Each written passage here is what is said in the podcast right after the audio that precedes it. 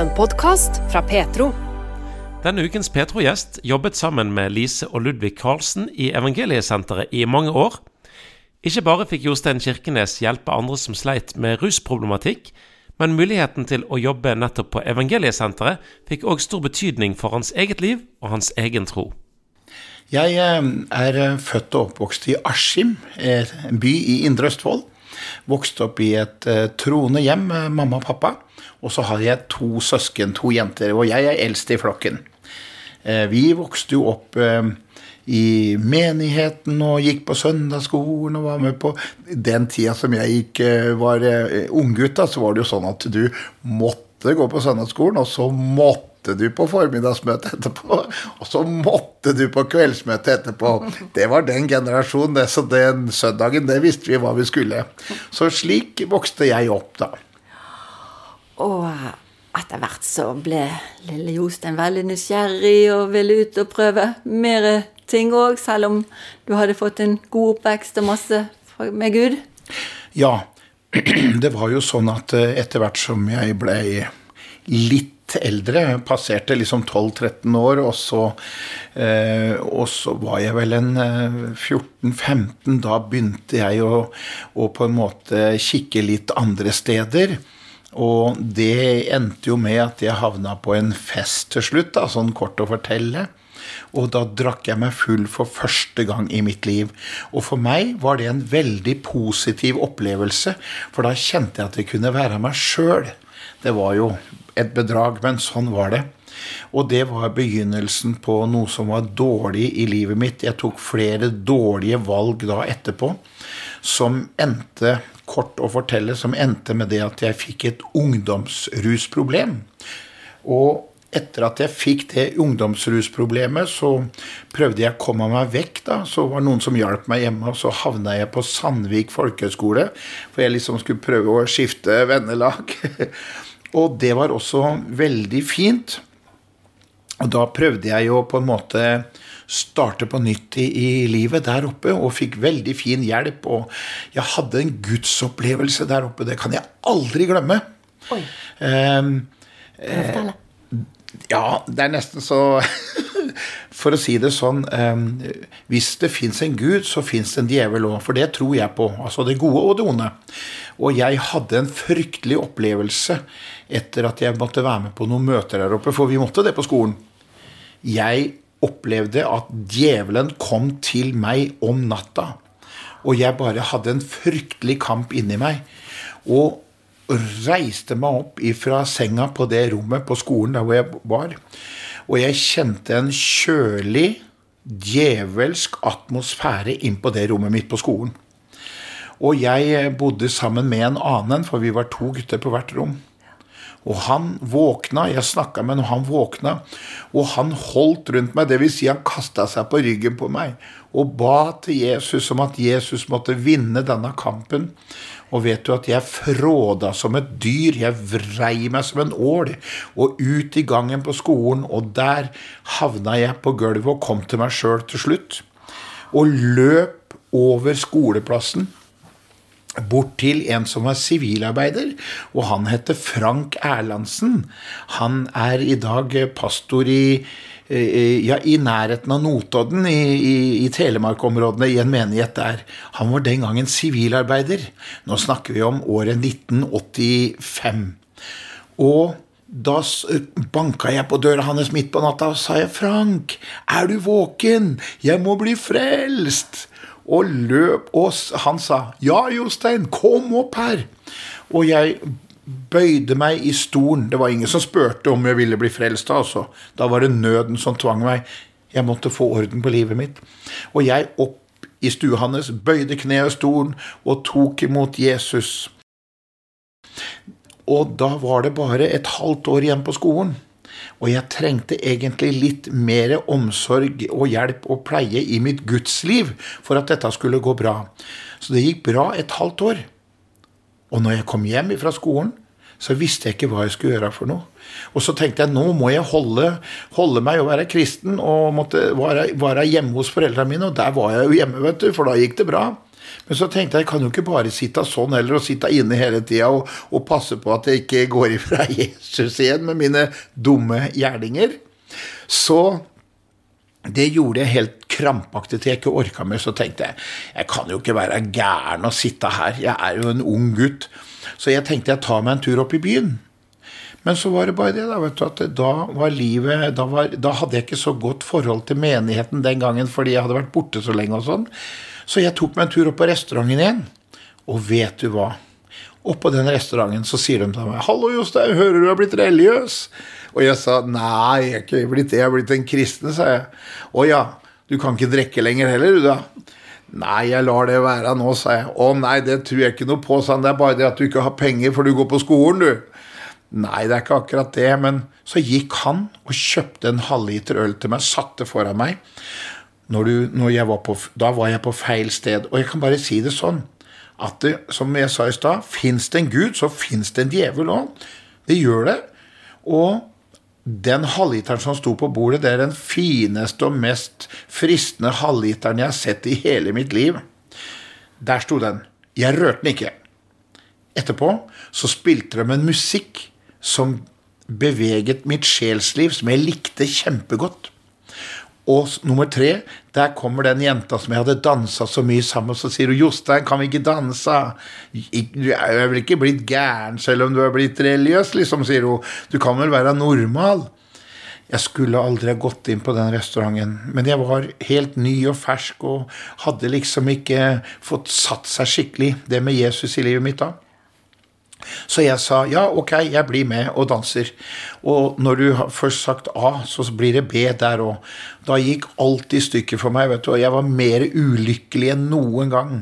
Og da gikk det en del måneder, helt til september 1985. En dag som jeg eh, er hjemme da jeg er hjemme og dusjer og ordner meg, så skal jeg reise av gårde igjen. vet du.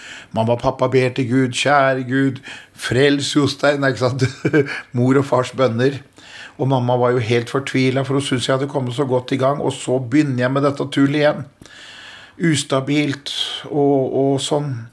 Og den ene dagen der, så jeg kommer hjem så setter jeg meg, tar meg en dusj, så skal jeg bare skifte. Der ligger det et brev på senga mi. Og jeg ser på brevet, kjenner igjen skrifta til mamma.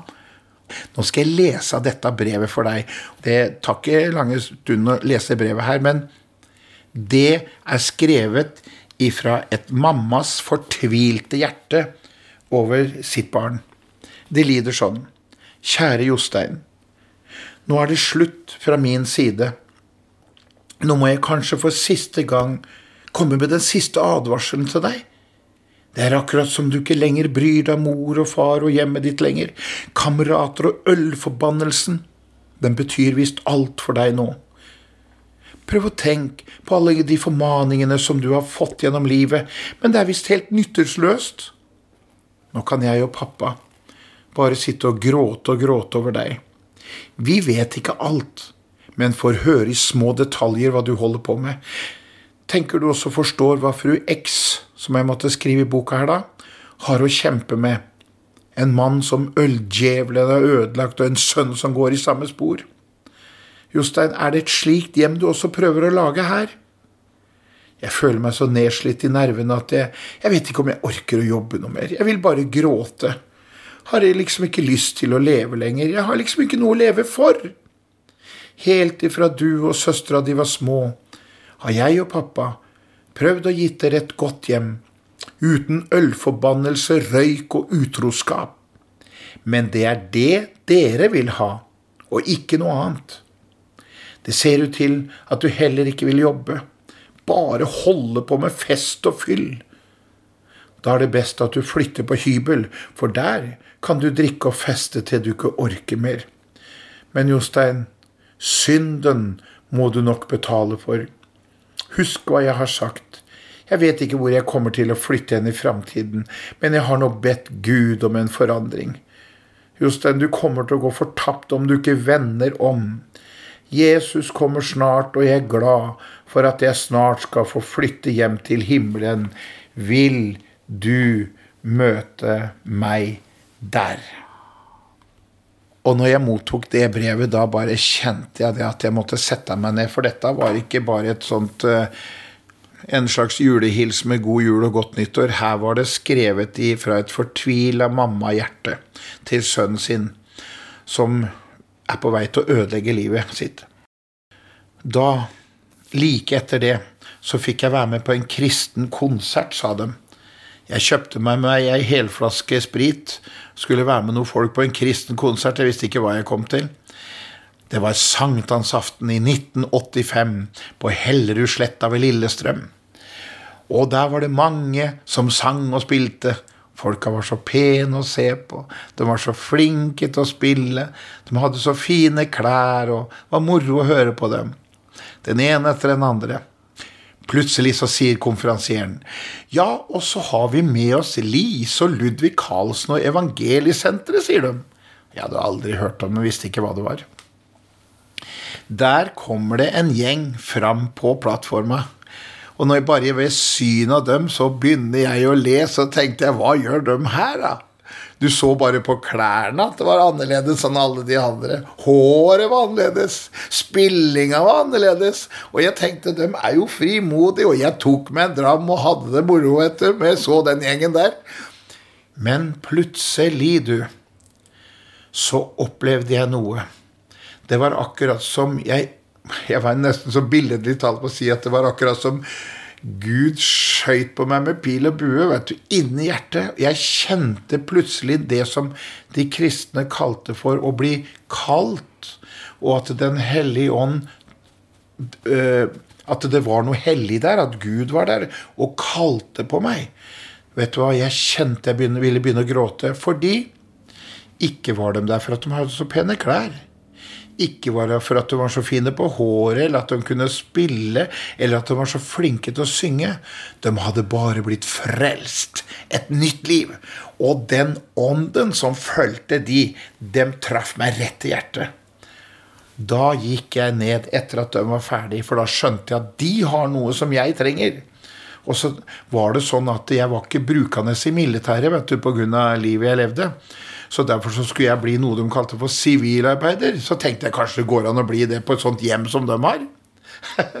og så ja, så gikk jeg ned og så spurte du går det an å treffe han Karlsen her, eller han som er sjefen her, sånn. Ja da, sa de. Så kom han bort til meg. Og så tok han på meg da, vet du, og sa 'Ja, gutten min, se åssen det er med deg', da. Og så husker jeg ikke akkurat mer hva han sa, men jeg var jo ikke edru da helt, da, og spurte da om det gikk an å komme på et sånt sted som de har å være sivilarbeider. Og da sa han at da skal jeg snakke med Lise, så ringer vi til foreldrene dine. For det var jo før mobiltida. Ja, de ringte etter tre uker eller noe sånt og sa jo, jeg kunne få lov å komme til Roa evangeliesenter. Og på Roa evangeliesenter i 1985, den 27. september, kom jeg. Og når jeg kom dit, så var det ti-tolv gutter, et bestyrepar, en sivilarbeider som da skulle slutte, og en sjåfør som var der. Og jeg, så kom jeg dit. Og da var det sånn at alle som kom dit, de måtte på inntakssamtale. Så vi satt på inntakssamtale på rommet. Og hun bestyrerinna der, hun hadde bedt til Jesus, og så i Bibelen hennes hadde hun en liten lapp som sto vi ønsker oss på Roa en arbeider som er blid, utadvendt, kan kjøre minibuss og spiller og synger, og, og glir inn i miljøet med gutta. Og selvfølgelig være frelst. Og så sier jeg at det visste jo ikke jeg. Men så nå i på den inntakssamtalen så, så sier jeg at ja, jeg står opp om morgenen, jeg, sier og så skal jeg jobbe og stå på og gjøre det jeg kan. Men når helga kommer, så reiser jeg meg hjem til Askim, og så tar jeg meg en skikkelig fest. Og så kommer jeg igjen her på mandagsmorgenen. Og hun tenkte i alle dager, åssen arbeider er han Ludvig Karlsen har sendt opp til Roa evangeliesenter? Det går jo ikke an. Men igjen så var atmosfæren i stua så sterk. Vitnesbyrdene var så levende fra mennesker som hadde møtt Jesus, så jeg klarte ikke å reise hjem. Det var starten for andre gang for at jeg kunne få lov å få bygge livet mitt på en plattform som holder skikkelig, og at jeg etter hvert ble sterkere i troen og i livet mitt med Jesus. Det var liksom litt av min bakgrunn og begynnelse, eh, hvor jeg kom inn i evangeliesenteret. Og så må jeg bare kort si at eh, jeg har fått lov å reise gjennom hele Norges land. Med gutter og jenter, og med gitaren, og vi har spilt og synget. Jeg må vel si at jeg har sett flere tusen mennesker har tatt imot Jesus. Og den største koret vi hadde med tidligere rusmisbrukere i Evangeliesenteret, da hadde jeg 450 stykker i koret. Og vi sang. Vi sang som eh, brus av mange vann, vet du, når du hører. Og det var noe av det største musikken vi hadde. Og der fikk jeg lov å tjene sammen med Lise og Ludvig i 35 år. Og det var eh, Jeg hadde aldri trodd det. Men jeg må bare, når jeg ser tilbake i dag, så er det mamma og pappas bønner så det hjelper å be til Gud og ikke gi seg. Be og ikke bli trett. Og så fikk de bønnesvar. Og så fikk jeg et godt liv. Det er ingen som tvinger meg til å være en kristen. Jeg har bare mer enn lyst til å være en kristen. For jeg syns det er så fantastisk. Noen tror at eh, da har du ikke lov til det, og så har du ikke lov til det, og så blir det bare religion og noe som er tungt og trist. Det var en som sa det at det, det, det høres ut som at du skal gå med en tvangstrøye når du blir en kristen. Nei, var en annen som sa 'jeg vil heller si at jeg setter på meg helsetrøye', sa han. Han var veldig bra bilde, vet du. Og så er det, det er så fantastisk å få fred med Gud i en god samvittighet, så den biten er i orden. Og så begynner hverdagslivet. Så det var fantastisk. 35 år fikk jeg ha da i Evangeliesenteret. Og så avslutta jeg min tjeneste der for to år siden. Og i dag så arbeider jeg i en helt ny forening som heter rett og slett Misjonsbefalingen. Og jeg gjør omtrent akkurat det samme som jeg alltid har gjort. Det var bare at det er ikke spesielt innretta mot rusmisbrukere, men mot alle, liksom. Og jeg reiser rundt, og vi synger og vitner om Jesus og tar med oss folk som vi møter på veien. og av og til så blir folk frelst, og noen blir helbreda, noen blir oppmuntra, og så er vi med, og så får vi lov å gå med misjonsbefaling som sier at du skal gå ut i all verden med evangeliet. Så får vi gjøre det som Gud har kalt oss til. Og jeg eh, fikk et bibelvers i 1993, mellom 92 og 94, fikk jeg et spesielt bibelvers som ikke jeg står og og forteller andre om sånn, men nå i dag kan jeg gjøre det, da. Og da fikk jeg et bibelvers. Jeg fikk det under en spesiell hendelse. Og der står det ene bibelverset. Du skal dra gjennom landet så langt som det er ifra øst og til vest. Og det har jeg fått gjort i snart 40 år. Og det er helt fantastisk å se at mennesker får lov å møte Jesus, det er det største, det absolutt det største. Å få gleden i det å være en kristen og se og forstå hva det er for noe, egentlig. Det er ikke noe trelldomsliv, men det er et fantastisk godt liv. Å kunne ha den tryggheten for livet her og for fremtiden. Jostein, jeg må bare litt innom livet ditt hang i en veldig tynn tråd for kort tid siden. Du kunne kommet rett til han og truffet han i himmelen, men du hadde litt tid her igjen, tydeligvis. Ja, du, jeg eh, blei eh, smitta av eh, covid-19, jeg. Som veldig, veldig mange andre. Og jeg fikk den delta-varianten. Den første uka som jeg hadde det, så var det som å ha en sterk influensa. Den andre uka så begynte det å krype på, så jeg ble dårligere og dårligere pust. En morgen som jeg sto på badet og stelte meg, så hosta jeg, og da sprakk ene lunga mi. Den sprakk. Og da fikk jeg så dårlig pust og måtte på sykehuset i full fart. Og der eh, tok dem og gikk inn i et kammer, noe som ligna på et sugerør, inn i et kammer ved siden av lunga mi og sugde ut blod og vann og luft. Gjorde dem én til to ganger om dagen i en uke. Og så begynte dette her å gro igjen. Men det var en skikkelig tøff opplevelse som jeg hadde, altså. Men heldigvis så gikk det bra. Mange var med og ba til Gud for meg at ting skulle gå bra. Men mest av alt så er jeg jo med livet overgitt i Guds vilje. liksom Han kjenner jo våre dager når de er talte. Livet stopper litt opp når du ligger på sykehus og det er alvorlig. Da tenker man på det som er ordentlig verdier i livet.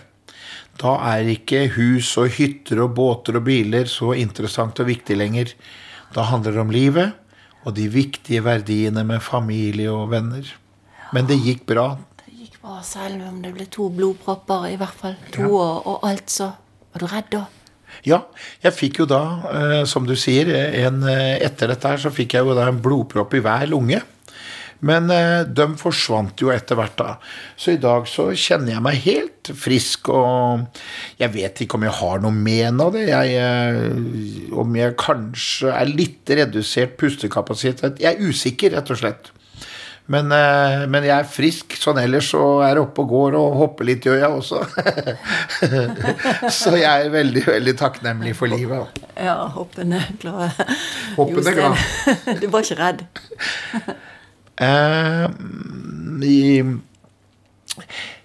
jeg Nei, jeg kom ikke så langt i sykdomsbildet mitt at jeg ble redd. Men jeg tenkte veldig alvorlig gjennom livet. Vet du hva jeg tenkte på? Jeg tenkte Hvis jeg skulle dø nå, er alt i orden rundt meg i livet her? Og da var det én sak som jeg tenkte at jo, jeg skal ta rydde opp i den. Jeg skal, ikke, jeg skal ikke bare la det være. Og jeg tok og rydda opp i den saken, og det var helt fantastisk, bare. Det var jo ikke noe sånn kjempegreier, da. Men jeg bare kjente det er rart med det. Du ønsker ikke at verken lite eller store ting skal, skal bare ligge der hvis du kan gjøre det opp. Så jeg tok også rydda opp i den saken. Og det er fantastisk å ikke ha noe utestående med noe menneske. Det er så godt å ha det sånn. Så Bibelen har visdom å gi oss. Og jeg fikk lov å bare rydde opp i den saken. Og det handler om tilgivelse noen ganger i livet òg. Det gjør det. Så det er veien å gå. For Herren han ønsker at vi skal ha et godt liv, og det kan vi ha hvis vi ønsker å følge Hans vei. Og det er eh, godt å gå Hans vei. Det er fantastisk. Men det gikk bra da, med alt sammen. Du har lyttet til en podkast fra Petro. Flere podkaster fra oss finner du bl.a. på petro.no og i Petro-appen. Der kan du også høre radiosendingene våre 24-7. Husk også at vi sender på DAB mange steder i Norge. Vi høres!